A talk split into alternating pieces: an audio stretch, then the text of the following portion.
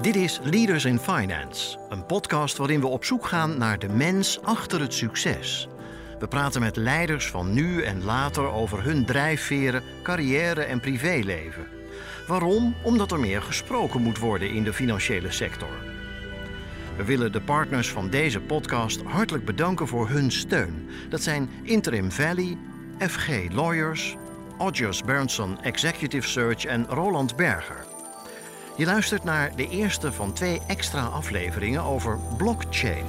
We praten daarin met Jelle Pol, CEO van Dusk, een bedrijf dat bouwt aan toepassingen met blockchain en cryptocurrency. In deze aflevering vertelt Jelle Pol over hoe het voor hem begon met cryptocurrency. Je had met z'n allen natuurlijk helemaal geen cent te makken, maar dan kocht je met z'n allen zo'n bitcoin voor 100 dollar en dan was de week later 200 dollar en dat was gewoon hartstikke leuk. En hij vertelt over het bouwen aan de toekomst. Dit is gewoon iets wat de wereld eh, een mooi stukje beter van wordt. Natuurlijk leggen we met z'n allen, eh, ik zeg maar wat, een paar miljoen bij elkaar om dit te gaan bouwen. En over zijn enthousiasme voor het ontwikkelen van nieuwe toepassingen. Ja, dat heeft wel een hele verslavende werking, zeg maar. Dat is wel echt heel gaaf, zeker als het dan ook echt begint te werken. Jelle Pol over de toekomst van blockchain. Je gastheer is Jeroen Broekema. Welkom bij een nieuwe aflevering van Leaders in Finance. Deze week een niet-standaard aflevering, een niet-reguliere aflevering, namelijk over de blockchain en tokenization en alles wat daarmee te maken heeft eh, in relatie tot de financiële sector. We hebben als gast eh, Jelle Pol, de founder en director van Dusk Network. Welkom Jelle. Dankjewel. Leuk dat je de tijd neemt om eh, hier in Rotterdam met elkaar in gesprek te gaan. Ik zal jou kort introduceren. Uh, Jelle studeerde bedrijfskunde en business information management in Rotterdam en deed een technology MBA in Korea. Hij begon zijn carrière bij low-code platform Mendix, maar stapte al snel over naar Shell, waar hij het blockchain-team oprichtte en het IT-team voor duurzame energie. Later richtte hij Informance Group op, een consultancy gericht op het naar de markt brengen van blockchain-concepten. In 2018 ontmoette hij tijdens een consultancyklus Emanuele Francioni, een van zijn latere mede-oprichters. Ze bleek een aantal cruciale blockchain-idealen te delen en al snel kreeg Dusk vorm. Tusk Network is een blockchain-technologie die het uitgeven, beheren en handelen van digitale effecten voor een ieder mogelijk maakt. Hiermee hopen ze de sector een stukje efficiënter en eerlijker te maken. Jelle is 29 jaar oud, jong en woont in Rotterdam met zijn vriendin. Naast zijn werk bij Dusk is hij bestuurder bij stichting Two Tokens en adviseert hij de Nederlandse bank over central bank digital currency, het onderwerp van een aantal podcasts geleden bij Leaders in Finance. Nou, nogmaals, uh, Jelle, leuk dat je de tijd neemt. Ik had een, uh, een quoteje gevonden van jou ergens die uh, dat zei, oh oh, die zei, Dusk will bring the benefits of tokenization to the, to the regulated market. Ja. Kan je dat eens een beetje toelichten en, en uitdiepen, want dat is ook wel een goede start. Ah ja, nou dan moeten we meteen inderdaad een hele hoop afpellen. Nou, allereerst inderdaad hartstikke leuk om er te zijn. Ja, de regulated market, nou dan, hiermee doelen we dan op de financiële markt. Hè? Dus even dus in de context van het meeste wat ik zeg, uh, gaat het uiteindelijk over de financiële sector. Dat is echt waar wij ons, uh, onze, uh, onze blockchain voor bouwen. En wat we zien is dat wat er allemaal is gebeurd in blockchain en tokenization de afgelopen jaren, dat dat natuurlijk grotendeels ongereguleerd was nog. Um, maar dat er in die technologie wel heel veel uh, ja, veelbelovende efficiëntieslagen zitten, nieuwe businessmodellen, noem het allemaal maar op. Ja, die niet altijd één op één over te nemen zijn in de traditionele markt. Dus je ziet dat daar heel veel moeite uh, zit. Wat er dan vaak gebeurt, is dat een groot bedrijf gaat kijken naar oh, die technologie is veelbelovend. Hoe kunnen we dat hier uh, nou gaan doen? Maar dan plakken ze er zoveel zeg maar, bestaande labeltjes, compliance, randvoorwaarden op. Dat eigenlijk al die voorwaarden waarom ze ernaar zijn gaan kijken, niet overeind blijven. En dan ontstaat er dus weer zo'n verhaal van: oh, er zat toch net niet de voordelen in die we hadden gehoopt. Nou, dat is natuurlijk een beetje onhandig. Want dan heb je heel veel tijd gespendeerd om, om een heel mooi, veelbelovend iets ja, eigenlijk weer de nek om te draaien. Uh, en daar doe je dan een jaar over en, en, en, en heel veel geld. Uh, nou, dus wat wij nu proberen te doen is te kijken naar die financiële markten. Van oké, nou wat zijn daar nou hè, in de basis de, uh, de dingen die daar gebeuren? En hoe kunnen we nou wat er allerlei, aan allerlei mooie building blocks of concepten zijn opgestaan in het blockchain land, hoe kunnen we die nou bundelen op een manier waarvan we uh, zien dat ze compliant zijn en al, aan, aan alle zeg maar, belangrijke randvoorwaarden voldoen voor een product dat werkt. Uh, ja, zonder zeg maar, hè, de niche in te gaan van de individuele belangen van bedrijf A of bedrijf B en het ja, dus de Frankensteinen weer in iets wat misschien wel compliant is, maar dus niet werkt. Ja, en dat samen te brengen in een, ja, in een technologie, dus in, in Dusk, wat we dus ja, kunnen aanbieden aan de gehele markt, ja, waar zij dan op door kunnen gaan bouwen. Maar dus op een manier dat zij dus compliant zijn, maar wel ook die benefits overeind blijven. Want dat zien we nu gewoon eigenlijk altijd fout gaan. Maar wat zijn nou uiteindelijk voor blockchain en tokenization, wat zijn voor jou nou de drie, vier, vijf belangrijkste benefits? Wat zijn nou echt de dingen waar de financiële wereld wat mee zou kunnen of al kan? Ja, dus als je hem helemaal plat slaat naar waarom die technologie überhaupt een goed idee is. Nou, vroeger je had gewoon je kasboek, hè? je ledger. Daar komt het uiteindelijk vandaan. Blockchain, digital ledger technology. Dus het is gewoon een digitaal kasboek, plat gezegd. Dus je had vroeger een bedrijf waarin stond dat je uh, Jelle Pol BV een tientje had betaald. Maar in mijn kasboek stond dat niet. Nou, vervolgens kregen we ruzie. En uh, wie uh, heeft het tientje nou, zeg maar? Nou, toen zijn we uh, gaan zeggen van misschien moet iemand anders maar het kasboek gaan doen. Want wij komen er samen niet uit. Want ik kan er inschrijven wat ik wil en er gebeurt maar wat, zeg maar, onderaan de streep. Nou, dan zet je dus ergens een ander poppetje neer die we allebei evenveel ja, vertrouwen of wantrouwen. en die gaat die dingen voor ons doen. En daar staat inderdaad dat het tientje is betaald, dus hebben we gelijk. Nou, uh, die hele sector is dus uitgegroeid tot één groot intermediair, ja, uh, banker, custodian systeem, noem het allemaal maar op. Waarbij gewoon puur het feit dat wij elkaar niet kunnen vertrouwen eigenlijk, vereist poppetjes ertussenin. Dat hele principe, dus door een kasboek te maken waarbij wij elkaar niet hoeven te vertrouwen, maar de technologie kunnen vertrouwen dat wij uh, uh, doen wat we zeggen dat we doen, of een transactie heeft plaatsgevonden of niet, of noem het maar op. Dat is eigenlijk wat er in de, in de, in de, in de overkoepelende zin gebeurt. Dus het poppetje wat we nu allebei geld betalen, of waar nog een hele keten omheen is gebouwd, dat kan eigenlijk weg voor een groot deel. En wij kunnen elkaar weer nou, evenveel wantrouwen of vertrouwen als vroeger. Maar dat maakt dus niet uit, want we kunnen die technologie vertrouwen om dat stukje voor ons bij te houden. Nou, dat is eigenlijk, uh, dat is eigenlijk wat er gebeurt. Dus, dus, dus een heel groot voordeel. Ja, dat noemen ze dus uh, ja, disintermediatie. Dus de poppetjes er weer uithalen. Nou, dat levert gewoon onwijs veel besparingen op. Uh, we hebben een kasboek wat zeg maar teruggaat tot, uh, tot jaar nul, wat nooit meer kan veranderen. Dus we kunnen de volledige historie van onze bedrijvigheid zien of nou, wat we daar ook op doen. nou, het is dus transparant, dus we kunnen goed zien wat er gebeurt. En, ja, en dat samen ja, leidt tot allerlei dingen zoals het is sneller, het is goedkoper, zeg maar commerciële benefits, om het even zo te noemen. Maar dat komt voort gewoon ja, uit, die, uit die kernwaarden, zoals dus die onveranderlijkheid of, die, of het feit dat je het zo goed kan vertrouwen, uh, dat soort zaken. Uh, nou, uitermate geschikt voor superveel ja, administratieve processen of, of, of businessmodellen in de, in de financiële sector. Maar ja, die poppetjes die er tussenuit haalt, hebben soms ook wel functie. Uh, hè? Ze zijn niet alleen vervelend. soms uh, doen ze ook de juiste checks die heel belangrijk zijn. Dus je moet wel zorgen dat die technologie dat wel volledig overneemt. Of in ieder geval de dingen die er te doen. Nou, uh, dat was dus hiervoor nog niet zo. Dus de technologie deed wel van alles, maar nam niet de compliance of de regulatie of, de, of, of, of het rapporteren. Wat al die tussenpersonen ook deden, nam die nog niet over. Nou, en conceptuele zin eh, zijn we dus met Dusk gaan kijken naar, oké, hoe kunnen we nou al die techniek samenvoegen, maar ook die andere randeisen die de industrie gaat stellen aan een blockchain waar ze echt wat mee kunnen. Uh, uh, hoe kunnen we die er nou ook uh, aan toevoegen, zonder het allemaal om zeep te helpen? Ja, precies. Dat is mooi, mooi uitgelegd. We gaan zo nog uitgebreid hebben over Dusk, maar ja. eerst even over Jelle en blockchain. wanneer was ja. de, weet je wanneer de eerste keer was dat jij er iets over hoorde? Ja, de 2012, 2013 ben ik losjes begonnen. Uh, dus toen uh, was het echt met een, uh, met een groep vrienden eens kijken hoe dat bitcoin nou werkte. Maar hoe kwam je erbij? Waarschijnlijk was dat tijdens mijn master nog, dat het gewoon werd aangestipt als een soort dingetje wat ging bestaan, zeg maar. Of hè, dat, dat wordt dan een keer terloops genoemd als dit zou nog wel eens ooit iets kunnen worden of dit is wel interessant. Ja, daar ga je dan naar kijken. En dan, uh, dat was ook in 2012, 2013 was ook de eerste echte boelmarkt van ja, de cryptocurrency en, en, en dat soort dingen.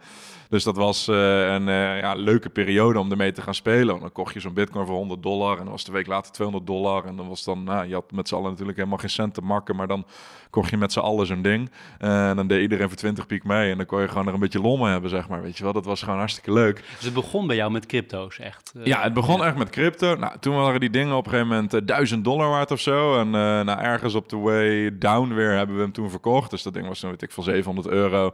Nou, had iedereen zeg maar van 20 euro 100 euro gemaakt. helemaal happy en hup, dat ding eruit. En toen is er eigenlijk weer een soort winterslaap ontstaan. Van zeg maar 2013 tot 2015, waarin ik er eigenlijk niet zo heel veel mee heb gedaan. Wat ook heel typisch was voor veel mensen in de sector toen.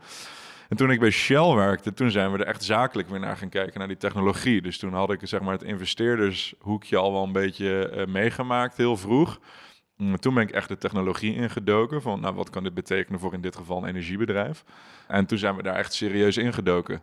Maar dat ging niet meer zozeer over crypto, dat ging echt over de achterliggende technologie. Echt over de technologie. En wat trok je daarin aan en wat trek je er nog steeds in aan?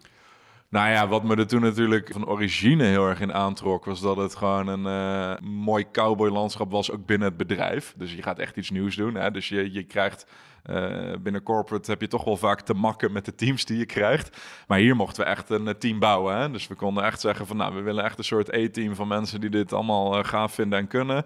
En we gingen lekker de hele wereld over en we hadden budgetten. En nou, dat is natuurlijk, begint gewoon een beetje jet die we gaan wat vets doen. Maar ja, vervolgens dan ben je er weer mee bezig. En, en, en, en dan zie je wat voor een fenomenale ja, concepten er gebouwd worden. en dat het ook een sector is die heel erg, zeg maar, ja, ook omdat het ongereguleerd is, dus niet alleen cowboys, maar dus ook heel goed voor zichzelf zorgt. Omdat ze wel moeten, want ze kunnen ook zichzelf hè, nergens beschermen. Nou, dat sprak me enorm aan. Het is echt, uh, je, je bouwt echt aan, aan, de zaken van de toekomst. Maar uh, zeker toen nog, je doet je eigen fundraising. Je, je, doet het allemaal een soort van met z'n allen. Het is heel erg bottom-up. Ja, en dat is toch wel een heel erg speciaal gevoel. Ook heel aanlokkelijk als je op dat moment hè, carrière technisch in corporate innovation zit. Wat dus zeg maar ongeveer het omgekeerde is. En dan zit je daar en dan zie je gewoon mensen die collectief besluiten van... Ja, nee, natuurlijk gaan we geen business case invullen. We voelen allemaal aan ons water uh, dat dit een nut heeft. Dit is gewoon iets wat de wereld uh, een mooi stukje beter van wordt. Dus we, natuurlijk leggen we met z'n allen, ik zeg maar wat, een paar miljoen bij elkaar om dit te gaan bouwen.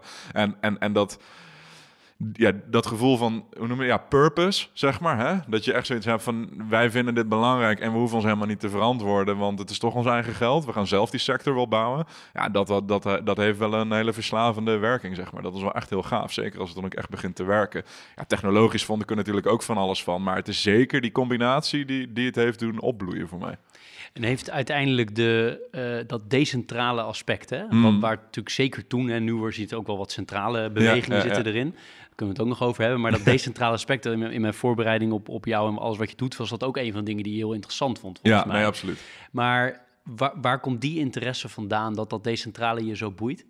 Nou ja, eh, het doet een aantal dingen. Dus eh, het decentrale zorgt er ten eerste voor dat mensen makkelijker mee kunnen doen in die systemen. Dus dat vinden we ook belangrijk nu in de financiële markten bijvoorbeeld. Je ziet gewoon dat enorm veel kansen niet toegankelijk zijn voor de meeste mensen. Nou, voor sommigen is daar wat voor te zeggen en voor anderen niet. Uh, het feit dat op een gegeven moment iets decentraal is, betekent dat jij gewoon ook deel kan gaan nemen aan een netwerk als je dat interessant genoeg vindt en daar dus een rol in kan gaan spelen. Uh, je democratiseert zeg maar toegang tot bepaalde sectoren heel erg. Nou, dat vind ik in de meeste gevallen uh, een onwijs goed idee. Het haalt ook ja, toch een stuk, ja, ja, nou ja, macht is niet helemaal het juiste woord. Maar in ieder geval een soort van onterechte macht toch wel weg bij wat grotere spelers, zeg maar. Uh, zeker toen begrepen die het ook, uh, ook niet. Dus dat was, uh, ja, dat was iets wat ik, wat ik er ook heel mooi aan vond. Ja, en je ziet toch ook bij de zwaar complexe systemen die we met z'n allen aan het bouwen zijn, dat we ook toch wel heel veel dingen steeds moeilijker vinden om te begrijpen of rond te boksen. Want het begint toch wel een redelijk complex wereldje te worden. En, en, en ja, het houdt gewoon een keer op. Je merkt dat er zoveel drangen zijn in de mens om weer wat simpelheid en wat overzicht terug te krijgen op allerlei vlakken. Hè? Niet alleen financieel, maar ook politiek. En, maar ja, dat is gewoon een trade-off. En ik denk dat blockchain er wel voor kan zorgen dat die trade-off een stuk, uh, stuk makkelijker wordt. Dat allebei de kampen eruit kunnen halen wat ze willen. Ja. ja. Je hebt toen uh, eerst bij je eigen bedrijf begonnen en later uh, is dat uh, met, met, andere oprichters heb je, heb je Dusk Network opgericht. Ja. laten we eens even Dusk neerzetten als bedrijf. Ja. misschien aan de hand van de, jullie stakeholders. Dus te beginnen met je, je eigen mensen. Jullie, met hoeveel mensen zijn jullie? We zijn nu met een mannetje of 30. En dat zijn met name tech mensen?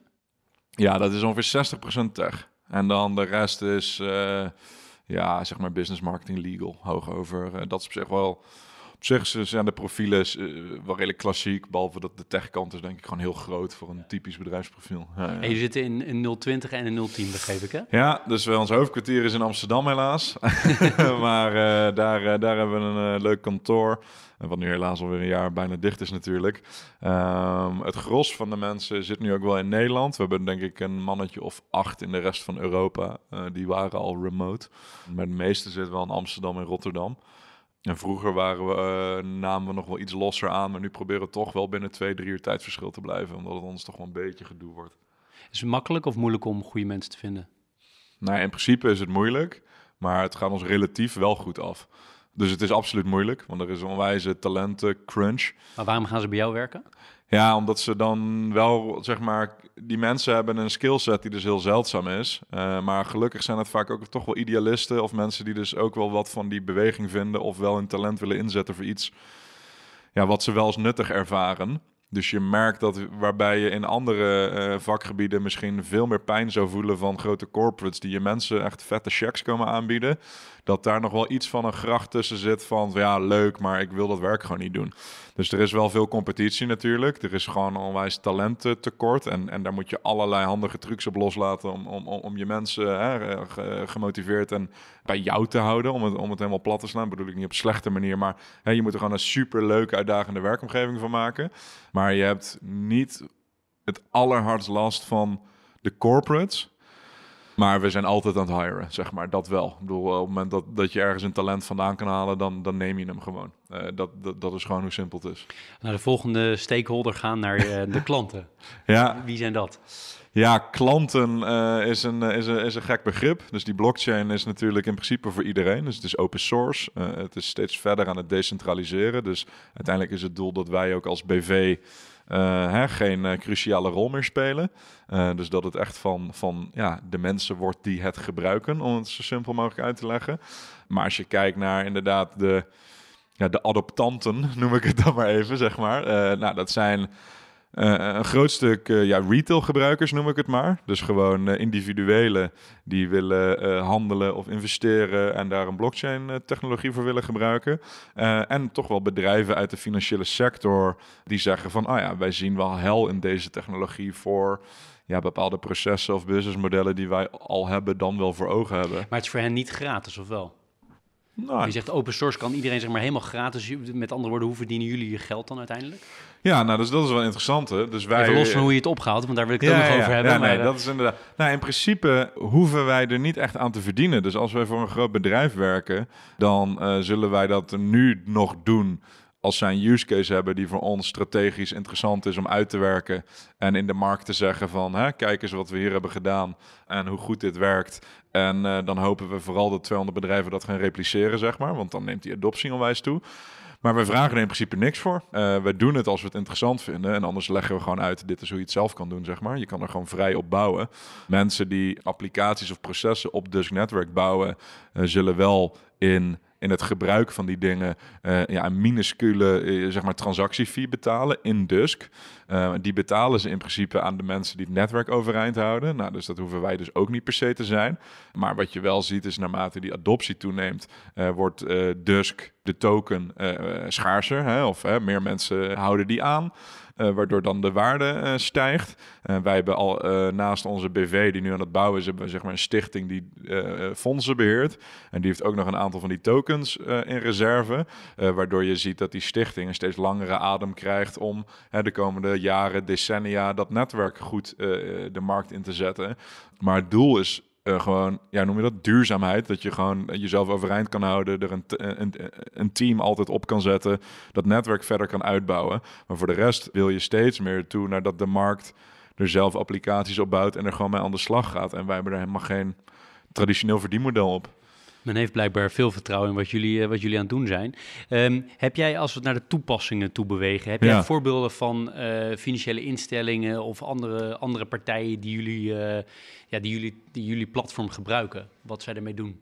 Ja, dus er zijn wel een aantal use cases waarbij het wel zeg maar simpel uit te leggen is waarvoor je dit soort dingen gebruikt. En, en het is wel goed om onderscheid te maken tussen ja, noem ik het even private equity, maar daar bedoel ik eigenlijk alles voor de capital markets mee. Dus voordat je echt op de Euronext, de Nasdaq's, dat soort zaken komt. Dus alles daarvoor. En dus wel de, de echte de, capital markets. Dus voor de kapitaalmarkten zien we dus uh, private equity. Dus dat kan, kunnen ook pre-IPO bedrijven zijn of MKB'ers, dat soort zaken. Nou, die hebben behoeftes. Hè? Dus een MKB'er heeft bijvoorbeeld een behoefte om uh, geld op te halen. Nou, dat is misschien de meest gangbare.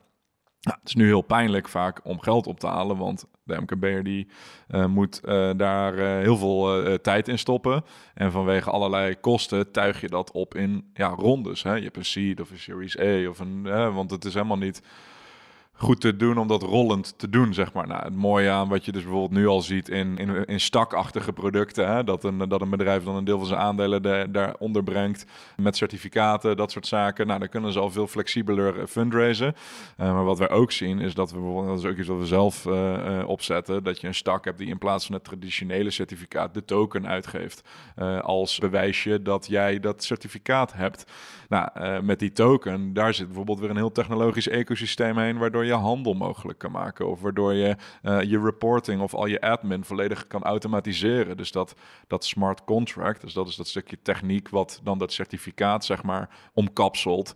Uh, die doet al heel veel voor jou. Waardoor het als MKB'er bijvoorbeeld in één keer wel heel interessant wordt om rollend geld op te halen. Want je kan gewoon de ene maand 10.000 doen, de andere maand niks. Dan heb je in één keer een maand van een ton omdat er een leverancier geïnteresseerd is, noem het maar op. En dat kan je gewoon eigenlijk altijd doen. Zonder dat je ook nog een, een soort uh, halve uh, ja, cap table management er bijna draaien bent, of noem het allemaal maar op. Dat is heel onwenselijk. Uh, en er kan zelfs wat liquiditeit ontstaan in die dingen. Dus hè, die techniek kan ook een stukje handel aanbieden. Dus als de friends en families er in één keer wel uit willen, of wat meer willen, of noem het maar op. Ja, dat kan gewoon allemaal hè, ontstaan. Dus je krijgt een soort, je faciliteert een soort technologisch over de countermarktje. Zonder dat uh, die MKB, DGA door hoeft te hebben hoe dat werkt. Want dan, nu lijkt het natuurlijk alsnog heel complex, maar dit is natuurlijk gewoon een appje krijg je in één keer liquiditeit en een soort micro-fundraising uh, die rollend werkt voor MKB's. Nou, dat is natuurlijk super interessant. Nou, als dat dan doorgroeit, zien we bijvoorbeeld in private equity, zeker voor IPO's,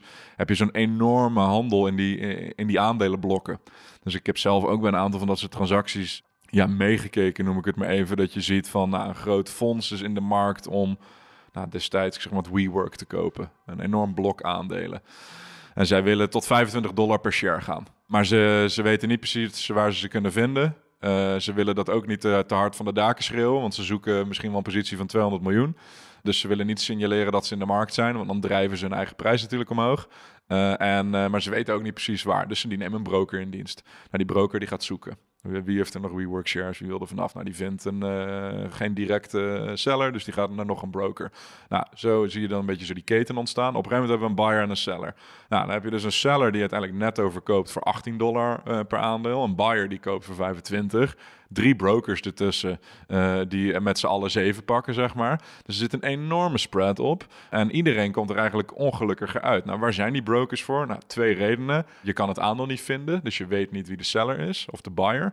En je wil niet zeggen wie je bent, want deze deal is misschien wel voor 20 miljoen, maar ik zoek 200 miljoen. Dus het is heel irritant als ik dat al signaleer, zeg maar, want dan drijf ik dus mijn prijs omhoog. Nou, met een blockchain of in ieder geval met een blockchain zoals die van Dusk, is het ten eerste, ja, los je eigenlijk allebei de problemen op. Want je kan uh, communiceren naar iedereen die die aandelen heeft. Want je kan namelijk zonder de identiteiten bloot te geven van iedereen zien uh, dat zij uh, een, ja, een token owner zijn. Of je kan daar de, dus je kan communiceren dat je in de markt bent als koper bijvoorbeeld of als verkoper. Dus je kan contact leggen. Dus je kan altijd de eigenaren vinden. En je kan dat doen zonder je, je prijs te signaleren of je eigen identiteit te onthullen.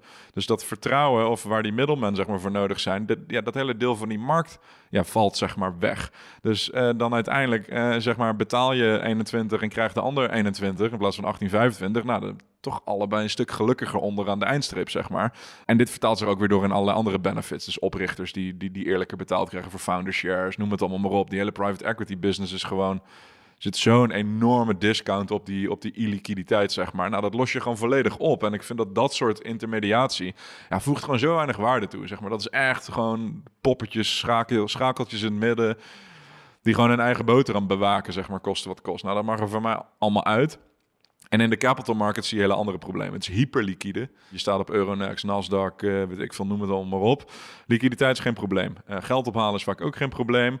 Uh, je krijgt alleen hele andere problemen. Het is zo'n enorm ecosysteem geworden van CSD's en brokers en, en, en noem het allemaal maar op.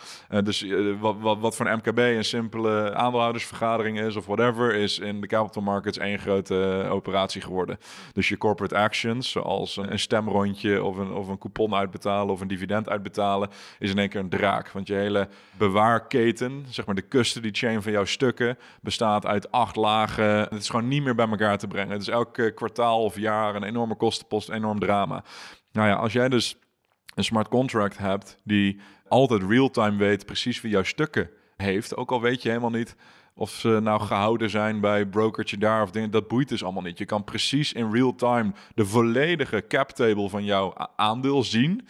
En je kan heel makkelijk uh, acties doen op die groep en, dat heel makkelijk synchroniseren. Want je kan namelijk heel goed voorspellen in de blockchain wanneer een evenement plaatsvindt. Dus elke, ik zeg maar wat minuut uh, groeit zo'n blockchain met een x aantal transacties. Komt er een blokje bij. Dus als je zegt ik wil 1 april eh, stemmen over deze voorstellen. Nou dan zeg je nou op blok uh, 10.000 is dan organiseer ik deze stemronde. Iedereen die het blok ervoor mijn stukken heeft kan stemmen. Dus ik kan volledig synchroniseren. Ik kan volledig uh, zien of bewijzen uh, dat er alleen mensen gestemd hebben die deze stukken hadden. Dus het is 100% zeg maar zuiver, ook al stemmen ze niet. Maar je kan bewijzen dat er geen clearing periods scheef zijn gelopen. Geen geneuzel, geen weet je wat T plus 2 of ze waren uh, uit de levertijd gelopen. Dat heb je dus allemaal niet. En het is dus ja, zeg maar spotgoedkoop om het op die manier te organiseren. En je ziet dat vooral bij ETF's of zo, die richting 2024 echt zeg maar naar hun eind eigenaar van die stukken moeten gaan kunnen communiceren. Uh, wat nu één grote black box is. Ze hebben geen idee. Uh, ja, zijn dat soort uh, oplossingen voor de corporate actions. Ja, dat, dat soort processen, die, dat zijn hele dominante use cases in de capital markets.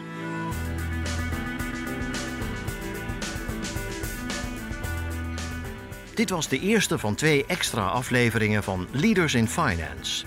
In de volgende aflevering vertelt Julle Pol onder meer over hoe andere landen omgaan met die race in de blockchain-revolutie. Nou, China is natuurlijk overal de deksel op geknald. Totdat ze volledig door hadden hoe ze het kunstje zelf het best konden doen. En dan gaat het weer langzaam open. Toen ik zelf een keer uh, met mijn vriendin naar China ging, uh, was niet meer zeg maar, toevallig hoeveel steekproeven ik kreeg. En je hoort in de volgende aflevering een antwoord op de vraag hoeveel al die bitcoins bij elkaar op dit moment waard zijn. We hopen dat je deze aflevering met veel plezier hebt beluisterd en we stellen je feedback erg op prijs. Wat houdt jou bezig? Over wie wil je meer horen? Laat het weten via een Apple of Google review. En dat kan ook via de sociale media kanalen of direct via een e-mail. We kunnen het enorm waarderen als je dat doet. Tot slot danken we onze partners voor hun steun. Dat zijn Interim Valley, FG Lawyers, Odgers Berndson Executive Search en Roland Berger.